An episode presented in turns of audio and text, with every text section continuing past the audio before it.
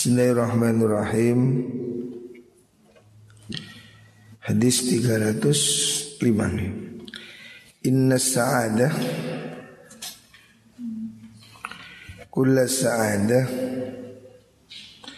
Oh inna rizqa nih Inna rizqa la yatlubul abda Akhara mimma yatlubuhu ajaluhu Inna rizqa setini rezeki Iku layat lubu yakti nyupri apa rezeki Al abda ing kaulo Aksara kelawan luwi ake Mimma sanging perkara yat lubu kang nyuprihu ing abad Opo ajaluhu ajali abad. Bahwa rezeki itu sudah ditentukan Allah dan dia akan mendatangi kamu ya seperti atau melebihi kematian orang itu di mana pun pasti mati gitu. rezeki juga begitu kalau sudah ditakdirkan Allah rezeki tidak akan tertukar ya. semua harus meyakini bahwa rezeki itu sudah dibagi oleh Gusti Allah jangan iri jangan dengki pada orang lain. Karena rezekimu tidak akan tertukar dengan rezeki orang lain. Kalau itu sudah rezekimu, ya tetap akan datang kepadamu. Ya. Kalau bukan rezekimu, ya juga akan hilang. Ya. Karena rezeki ini sudah ada tum-tumani. Istilahnya ayah saya, Orang ini punya takaran sendiri-sendiri rezeki. Kalau orang itu rezeki takarannya sak gelas Dikasih satu ember ya tumpah. Memang padai cuma satu gelas. Dan sebaliknya Orang itu kalau rezekinya memang sudah ditakdir banyak-banyak Dihalangi siapa pun ya tetap ada saja rezekinya. Pindah pun ya ikut pindah rezekinya jadi tidak boleh iri. Jangan ada rasa dengki pada orang lain Yang dia mendapat rezeki. Sebab rezeki dia sudah ditentukan Allah Sama dengan rezekimu sudah ditentukan oleh Gusti Allah. Tidak ada yang tertukar gitu ya. Hamba Allah itu sudah ada catatan Sebelum lahir Allah sudah beri catatan-catatan apa yang akan terjadi. Makanya dia tidak bisa lari. Mati pun juga. Orang lari dari corona, waktunya mati ya mati saja. Sebabnya mati beda-beda. Tapi kematian itu sama gitu. Jadi tidak ada yang bisa lari dari kematian. Begitu juga rezeki ya. Rezeki itu akan datang di mana pun kamu berada Kalau sudah ditakdir oleh Allah ya. Raul Tobroni Nabi Darda Inna sa'adata setuni kebahagiaan Kula sa'adati kalau sekabehani kebahagiaan Kebahagiaan tertinggi ya. Kebahagiaan yang sempurna ya. Ikutulul umri dawani umur fi taatillahi ing dalam taat marang Allah. Ini kebahagiaan yang sesungguhnya. Kebahagiaan manusia ini orang beda-beda mendefinisikan. Tapi pada umumnya orang itu selalu membandingkan dengan orang lain sehingga dia tidak bahagia. Menyebabkan orang tidak bahagia itu karena dia membandingkan miliknya dengan milik orang lain. Akhirnya dia merasa kurang. Kamu lihat anak kecil, anak-anak kecil, anak balita itu selalu senang, gembira, dia nggak susah karena dia tidak membandingkan dengan apa yang dimiliki orang lain.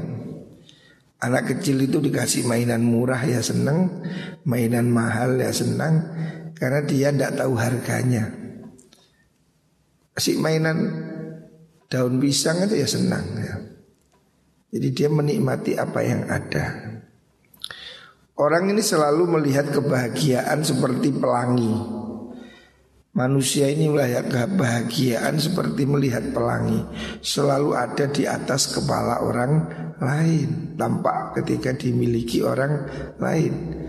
Padahal diri kita ini sudah penuh nikmat. Kamu harusnya bersyukur. Masih banyak orang yang menginginkan separuh saja Dari apa yang kita miliki hari ini banyak orang yang jauh lebih miskin dari kita Banyak orang yang lebih menderita dari kita Banyak orang yang lebih susah ya. Banyak orang yang masih menginginkan separuh dari apa yang kita miliki hari ini ya. Lihatlah ke bawah Supaya kamu bahagia ya. Kalau kamu hidup melihat ke atas Bandingkan dengan yang lebih kaya Yang lebih ganteng yang lebih ya kamu sakit hati ya. Urusan dunia lihatlah ke bawah ya. Kalau kamu tidak punya sepatu, lihatlah orang yang tidak punya kaki. Enak mana? Tidak punya sepatu atau tidak punya kaki. Ya. Kalau kamu tidak punya mobil, kalau kamu jalan kaki, lihatlah orang yang lumpuh ada orang lumpuh itu. Walau punya mobil nggak ada senengnya. Jangan bandingkan dirimu dengan yang lebih tinggi. Kamu menjadi ngersulo. Lihatlah selalu ke bawah. Kalau kamu rambutmu tidak indah, lihatlah orang yang botak. Lihatlah orang yang kanker, rambut ibrodol. Banyak orang yang jauh lebih sulit ya. Kalau kamu masih bisa bernapas Lihatlah orang di rumah sakit Yang sudah pakai tabung oksigen Supaya kamu bahagia ya.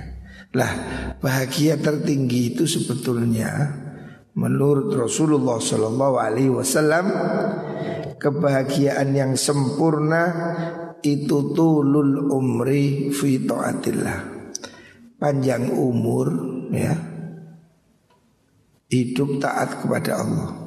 Ini nikmat yang sempurna ya. Sebab orang ini kalau umurnya panjang dan taatnya tinggi, maka kehidupan ini penuh kebaikan ya. Dan hidupnya di dunia akan senang, di surga semakin tinggi derajatnya dimuliakan oleh Allah Subhanahu wa taala. Sebaliknya celaka itu ya, kecelakaan terbesar itu. Kalau orang ini panjang umur tapi maksiatnya semakin gila. Oh, ini musibah. Orang umurnya tambah tapi maksiatnya tambah sehingga dosanya tambah numpuk-numpuk siksanya semakin berat ya. Ini kekecelakaan yang berbahaya ya. Makanya kita ini boleh minta panjang umur Tapi semoga kita panjang umur Dalam ketaatan pada Allah subhanahu wa ta'ala ya. ya Allah beri saya panjang umur Untuk bertaat kepadamu ya Bukan sekedar panjang umur Tapi tidak ibadah Nikmat ini kalau kita panjang umur Sehat rajin ibadah. Oh itu sudah, itu nikmat. Hadis riwayat Al-Khatib an Abdullah an Abi. Innal mayyita sutni mayyit iku yudhihi yudhihi nglarakaken hi ing mayyit fi qabrihi dalam kubur mayit apa ma perkara kang ono apa ma iku yu'dihi nglarakaken apa ma ing mayit fi baitihi ing dalem omai mayit Rawahu Orang mati itu merasa terganggu seperti apa dia terganggu di waktu hidup ya. Artinya orang mati ini masih ada kaitan dengan orang yang hidup. Orang mati kalau keluarganya baik-baik dia akan tenang. Tapi kalau orang mati anaknya tengkar, anaknya berantem, orang yang mati juga susah dikuburnya. Ya. Ini dalilnya ya kata Rasulullah Shallallahu Alaihi Wasallam orang yang mati itu merasa sakit, merasa tidak nyaman, sewaktu dia sebagaimana dia masih waktu hidup. Ya. Orang mati mendengarkan keluarganya bertangisan itu susah. Sama dengan kalau kamu masih hidup dengar anakmu nangis kan grebekan. Kita ini kan ada anak kecil nangis rewel kan hati tidak tenang. Begitu juga orang yang sudah mati mendengar keluarganya meratap-ratap itu tidak suka gitu. Makanya jangan ada yang meratap-ratap, menjerit-jerit ya. Mayatnya juga susah atau tidak rukun, bertengkar. Keluarganya tidak senang, mayit juga susah juga ya. Ru'au Dailami. Annal mayyita yu'adzabu bibukai ahlihi alih. Selanjutnya Innal mayyita sedene mayyit iku la yu'adzabu yati den siksa sapa mayyit bibukai ahlihi kelawan sebab tangisane keluargane mayyit. Alihi ingatase mayit. Orang mati itu tersiksa sebab keluarganya menangisi dia. Maksudnya Tangisan yang tidak boleh itu tangisan yang menjerit-jerit. Nangis meratap-ratap. Kalau sekedar nangis wajar ya. Orang mati ditangisi Kesedihan itu normal manusiawi. Tidak apa-apa. Rasulullah SAW juga menangis ketika putranya meninggal yang tidak boleh itu menangis menjerit-jerit, gulung-gulung ya, telanjang pokoknya. Tangis yang tidak terkontrol itu menyebabkan mayat jenazah mayit disiksa oleh Allah karena ini. Ulama tapi ada berbeda pendapat. Duh, apakah orang ini bisa dihukum karena kesalahan orang? Padahal Allah mengatakan wala taziru waziratun wizra ukhra. Orang tidak menanggung kesalahan orang lain. Ini betul. Jadi yang dimaksud yang menangis yang menyebabkan dia disiksa itu ulama menafsirinya kalau dia memang minta ditangisi. Karena ada ritual agama lain itu yang minta keluarganya nangisin jerit-jerit. Nah, yang begitu yang tidak boleh ya. Tapi kalau orang nangis sendiri ya tidak ada masalah. Gitu.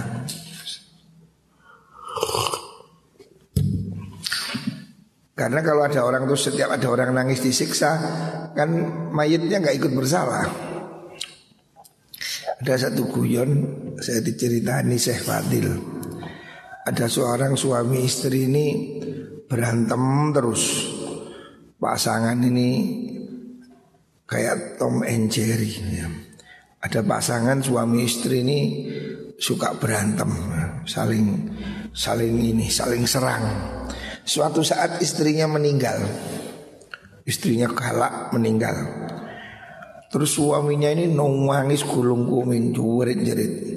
Orang heran, loh, waktu hidupnya ini kok berantem, kok istrinya mati dia nangis teriak-teriak. Ada yang bisi, sudahlah tenang-tenang. Kenapa kamu kok nangis? Oh, istrimu itu loh kuala cerewet. Kok sekarang kamu jadi nangis? Kata dia memahami hadis ini secara salah. Saya sengaja nangis sekeras-kerasnya Supaya apa? Supaya istri saya disiksa oleh Allah sekeras-kerasnya Jadi ternyata dia tujuannya nangis itu Supaya istrinya disiksa oleh Allah Dasarnya hadis ini Orang mati kalau ditangisi disiksa oleh Allah. Jadi dia sengaja nangis karena membalas biar istrinya disiksa oleh Allah. Nah ini ya guyonan. Karena orang itu tidak bisa menanggung kesalahan orang lain. Wala taziru waziratun wizra ukhra. Jadi yang dimaksud disiksa itu apabila memang tangisan itu diinginkan oleh dia. Nah, ada agama tertentu yang ritualnya memang minta diratapi tiga hari, bayar orang supaya ditangisi. Nah yang seperti itu yang membuat mayit disiksa oleh Allah. Rawahu al-Bukhari. Hadis itu sahih riwayat Bukhari. Tapi pada prinsipnya memang tidak boleh Menangis yang menyesal-nyesali Meratapi kepergian. Tapi kalau menangis untuk bersedih Secara normal Itu wajar. Tidak apa-apa. Inna hadakum yujma'u khalquhu fi batni ummihi arba'ina yauman nutfatan Inna hadakum suatu salah suci sira kabeh iku yujma'u den kumpulaken. Apa khalquhu kedadeane ahad? Fi batni ummihi ing dalam wetenge ibu ahad. Arba'ina ing dalam petang puluh apane yauman dinane nutfatan hale rupa nutfah. Nutfah itu mani. Ini proses penciptaan manusia Rasulullah Shallallahu Alaihi Wasallam pada 14 abad yang lalu sudah bisa menguraikan proses hidup manusia. Ya. Padahal Nabi ini bukan dokter ya. Nabi tidak pernah sekolah kedokteran. Nabi tidak pernah belajar ilmu biologi. Tapi ini luar biasa ilmu dari Allah. Nabi bisa mengetahui perkembangan makhluk hidup. Ya. Pertama, manusia ini kata Rasulullah Shallallahu Alaihi Wasallam dimulai dari mani. Ya, kamu ini asalnya dari mani. Mani itu keluarnya dari jalan kencing, ya, bukan dari kuping. Mani keluar dari jalan kencing. Maka biasanya wong tua lek anaknya durhaka kok niku uyuhku. Nah, gitu kan ada istilah orang Jawa bilang kamu itu air kencing saya gitu. artinya untuk mengingatkan kamu itu bukan siapa-siapa. Tanpa orang tuamu kamu itu seperti air kencing itu. Air kencing dibuang di di apa di mana? Buang di WC toilet itu nah, biasanya orang tua kalau jengkel itu kan mengatakan kamu itu air kencing saya Artinya kamu itu sebetulnya makhluk tidak berdaya Kamu itu asalnya mani Keluar dari jalan kencing Terus dimasukkan ke mana? Jalan kencing lagi Jalan kencingnya ibumu Ya Kamu dimasukkan lewat mana? Masa diulatkan lewat hidung? Enggak lah ya. Kamu itu asalnya mani Dalam bentuk encer ya 40 hari di selama 40 hari itu masih proses mani. Tumayakunu alakotan. Tumayakunu nuli ono sopahat. Iku alakotan getih kempel. Setelah 40 hari menjadi darah yang menggumpal. ini proses 14 abad yang lalu Nabi sudah tahu proses ini ya. Kamu 40 hari berubah mani 40 hari berubah menjadi darah yang mengental. Misla dalika hari pada ini mengkuno arba'in 40 hari juga ya. Thumma yakunu nuli ono sopo ahad iku mudghatan. Setelah itu mudghah daging kempal, onggoan daging. Misla dalika pada ini mengkuno arba'in ayam Jadi proses manusia ini 40 berupa 40 hari berupa mani 40 hari berupa darah mengental 40 hari lagi baru berupa daging 40 kali 3 berapa? 120 nah, 120 berapa bulan? Berapa hari? Berapa bulan? 3 bulan 4 bulan ya 102 Empat bulan. Makanya kalau sudah empat bulan Ini sudah berbentuk dagingnya. Makanya kalau sudah empat bulan Tidak boleh digugurkan. Ulama berbeda pendapat tentang hukum aborsi. Boleh nggak menggugurkan kandungan? Kalau sudah empat bulan tidak boleh Karena itu sudah berbentuk ya. Tapi kalau masih baru Baru seminggu dijamoni Nggak jadi, nggak apa Kan masih-masih berupa mani ya Orang ini kan supaya tidak hamil kan ada yang begitu. Masih dapat telat seminggu dijamuni atau makan apa nanas atau apa itu boleh ya. tapi kalau sudah berupa daging ya sudah berbentuk sudah 120 hari nah itu sudah tidak boleh ya. Tidak boleh melakukan aborsi karena itu sudah pembunuhan Apalagi sudah di atas 4 bulan, 5 bulan, 6 bulan Itu sudah berbentuk sempurna ya. Itu pembunuhan itu, tidak boleh ya. Tapi kalau masih usia 40 hari itu masih berupa mani Belum hidup ya. Maka ulama di situ masih membolehkan ya. Tapi kalau aborsi pada kehamilan yang sudah berbentuk ya 4 bulan itu sudah tidak boleh. Itu pembunuhan, tidak boleh Wa pundi wau? Fayun fakhunu li den tiup. Den sebul. Pundi ora Midzalik arba'im Summa yab'athu nuli ngutus sub Allah. Sub Allah ilaihi maring ahad Malakan ing malaikat Wa marulan perintah had Bi arba'i kalimatin kelawan empat kalimat ya.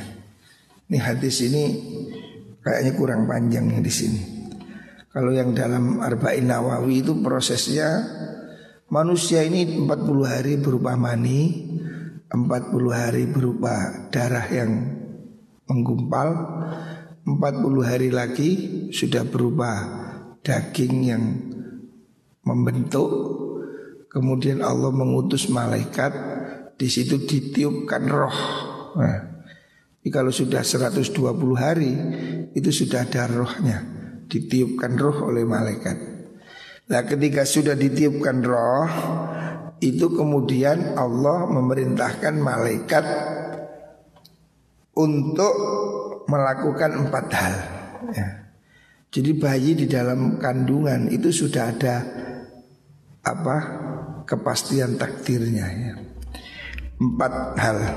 Wa yuqullan dan ucapakan lahu maring mengkono ahad lahu malaikat apa uktub nulis sira amalahu ing amale ahad. Jadi sejak dalam kandungan itu orang sudah dicatat ya. Amalnya nanti begini. Ya. Kita ini menjalankan skenario sudah ada catatannya, skenario-nya seperti ini ya. Amalnya waris kohu lan ini ahad. Rezekinya berapa? Jadi kaya atau jadi miskin? Itu sebelum lahir sudah ada catatan. Wasakiyun au sa'idun. Wasakiyun lan celok Lan celoko au sa'idun utowo bejo ya. Dia hidupnya akan bahagia atau akan celaka dia akan hidup jadi orang soleh atau tolah toleh itu sudah ada di sebelum lahir kita ini sudah catatan. Tumayun fahu nulitin sepul fihi yang dalam rojul opar ruh. Ketika roh dimasukkan ke tubuh manusia dalam kandungan itu Allah sudah menetapkan empat hal itu. Ya. Allah sudah memastikan rezekinya berapa. Allah sudah memastikan kapan umurnya, usianya berapa.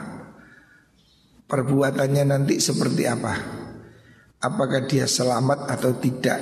Itu sudah ada catatan sebelum dia lahir. Skenario nya Gusti Allah itu sudah ada. Akan tetapi kita kan tidak tahu skenario Allah itu seperti apa bagi kita.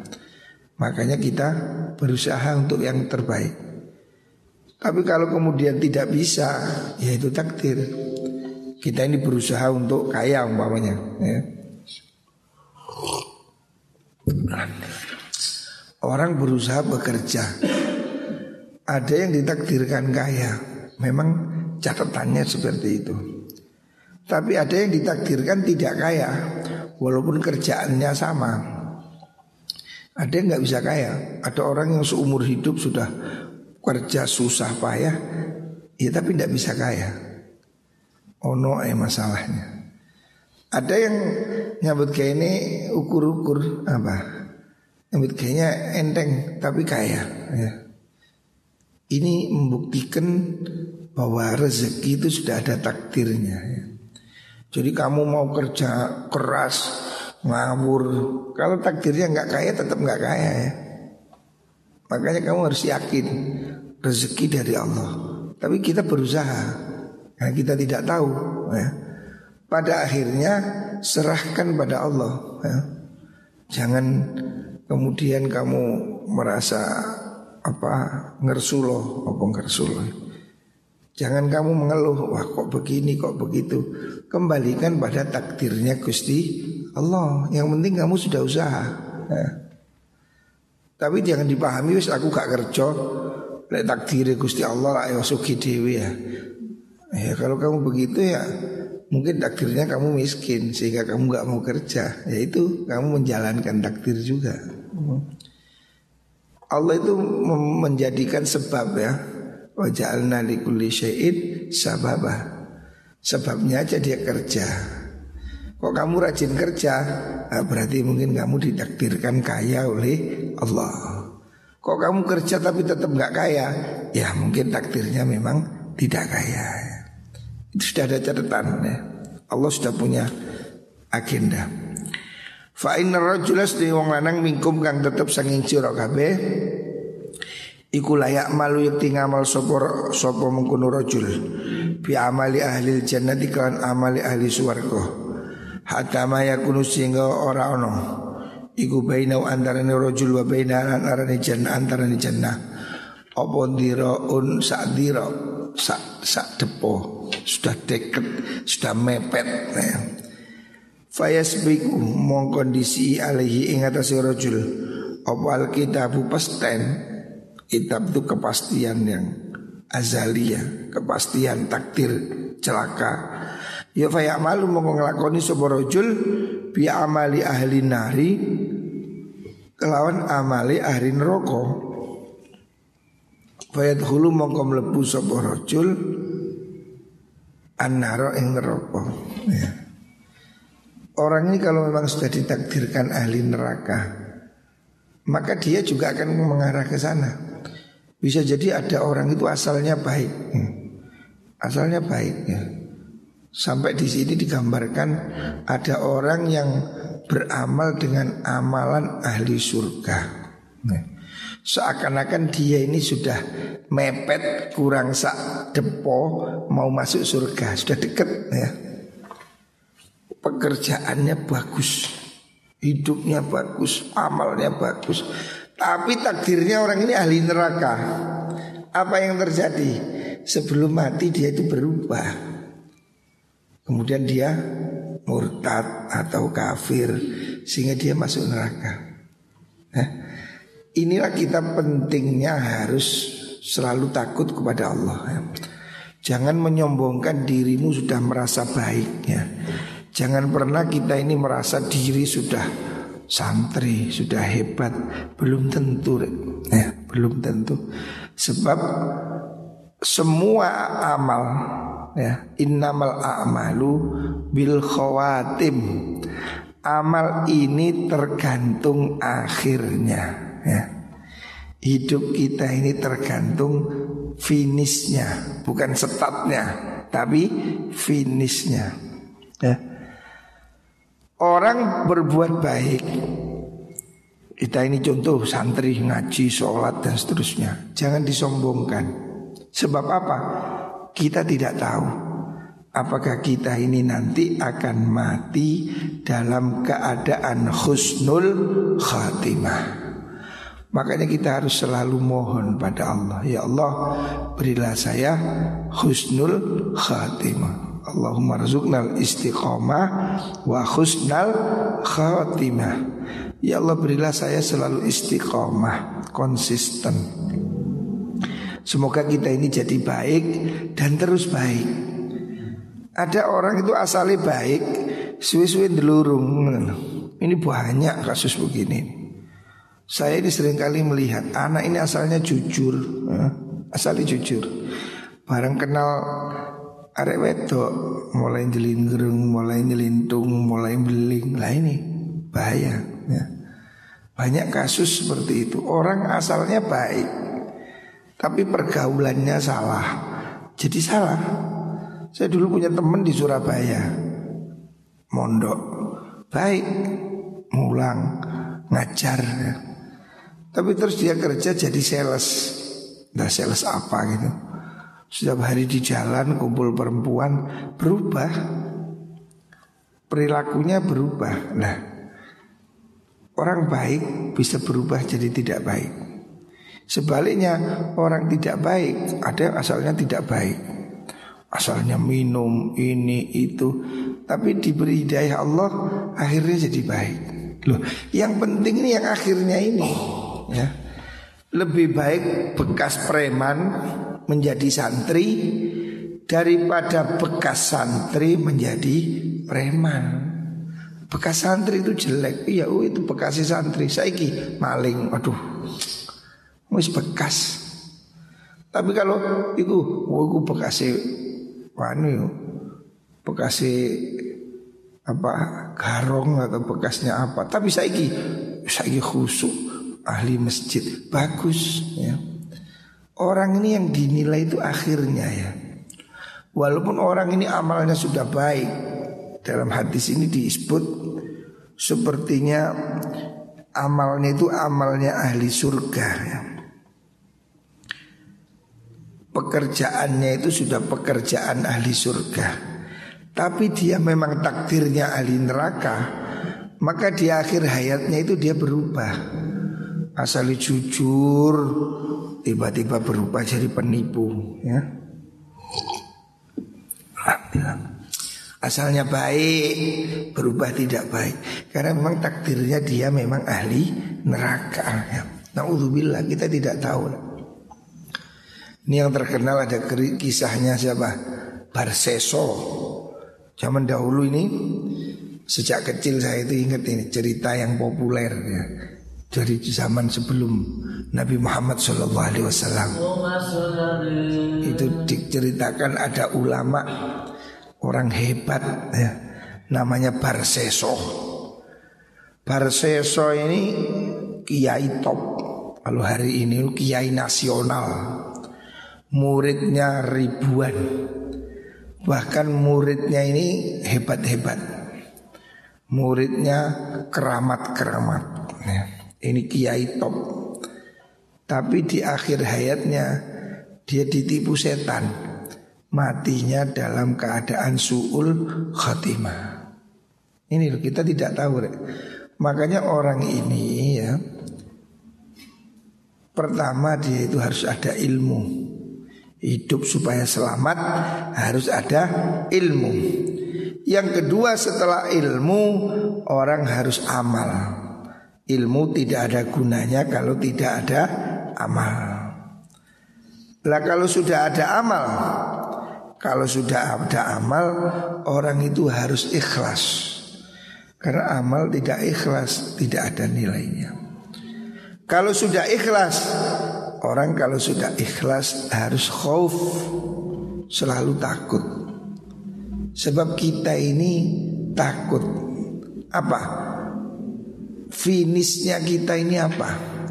Apakah kita ini pasti husnul khotimah? Belum tentu. Ya. Makanya harus hati-hati dan selalu mohon pada Allah semoga kita diberi husnul khotimah. Sebab kalau dia tidak husnul khotimah seperti ceritanya para seso tadi, para seso ini akhirnya tergoda iblis. Ada iblis menyamar sebagai manusia dia datang ke masjidnya Barseso wiritan sepertinya ibadah tiga hari tiga malam. Tidak berhenti. Sehingga Barseso ini kagum loh kok ada orang ibadah nonstop tiga hari tiga malam? Kodek-kodek tuh akhirnya dia itu kepincut merasa ini orang kok hebat ditanya pak sampean kok ibadah nonstop 24 jam? Kenapa? Kok hebat? Bisa? Kenapa? Oh ini iblis. Godaannya iblis ini bisa berpura-pura jadi baik rek. Iblis ini godanya tidak harus berbentuk maksiat. Ini dalam bentuk ibadah godaannya Iblis itu menyerupai orang ahli ibadah Yang tidak berhenti. Action. Akhirnya Barseso Kiai Barseso ini kepincut. Kemudian Barseso ini karena dia kepincut dengan iblis yang tiga hari tiga malam di masjid itu tanya kenapa kamu kok rajin ibadah nah, iblis beraksi saya begini ini karena dosa saya besar sehingga saya ini menyesal sekali jadi kalau kamu kepingin ibadah non-stop seperti saya kamu harus berdosa dulu kalau kamu dosa besar nanti kamu menyesal, lah itu kamu akan ibadahnya serius. Nah, ini kan tipuan iblis ya. Jadi iblis ini bisa menipu dalam ibadah ya. Ditipu oleh iblis. Makanya kemudian Barseso tertarik. Oh ya wis, saya tak maksiat apa ya. Iblis ngasih contoh, ah kamu berzina aja. Barseso nak mau, enggak berzina dosa besar. Ya sudah kamu anu aja Apa itu nyolong Enggak nyolong saya takut itu dosa Ditipu oleh iblis. Ya, Ada yang enteng. Apa? Kamu minum homer aja. Minum homer. Minum whisky aja. Dikit sak, sak seloki Dua seloki. Nanti kamu kan akan merasa dosa Taubat. Tertipu.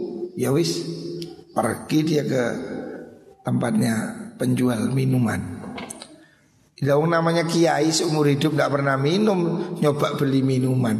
Sak seloki yo langsung teler. Hmm, Minum teler. Teler Lihat yang jual cantik Perkosa.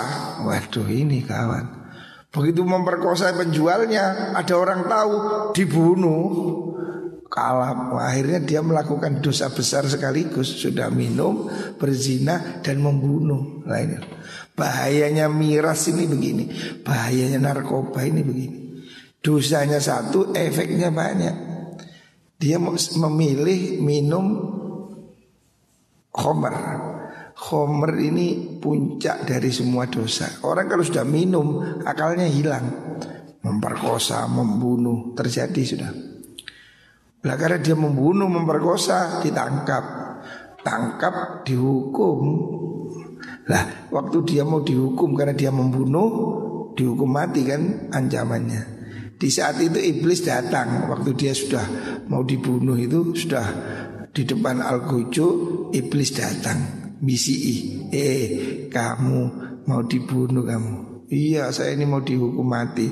Sudah Kamu itu imanlah pada saya. Kamu itu dulu saya tipu. Kalau sekarang kamu iman kepada saya sebagai Tuhanmu Kamu saya bebaskan. Nah, orang ini di akhir hayatnya tertipu lagi. Ya saya menyembah kamu. Begitu dia menyembah iblis, al membunuh dia, dia mati dalam keadaan suul khatimah, mati dalam keadaan kafir. Ini contoh yang membuat orang harus takut. Ada orang ibadah lama, akhirnya malah suul khatimah. Ya sama dengan iblis itu. Iblis ini kan di surga sudah ribuan tahun. Melakukan kesalahan tidak sujud pada Adam oleh Allah dihukum selama-lamanya. Makanya jangan sombong ya. Kebaikan kita jangan disombongkan. Sebab kita tidak tahu apakah kita dijamin husnul khatimah. Wa inna hadakum salah suci sirokabe Iku layak malu yakti ngamal sopo ahad bi amali ahli nari kelawan amali ahli neraka apa ndiyo hatta mayakunu sehingga ora ono iku bainau antarane ahad wa baina halan antarane nar. Apa illa dhiraun angin sak dhira sak depo. Fa yasbiqu kondisi alaihi ngasih rajul apa alkitabu pasten. Pastene bejo. Faya malu mongko ngamal sapa rajul bi amali ahli jannati kelawan amali ahli swarga fayat hulu mongko mlebu sapa rajul al jannata ing swarga.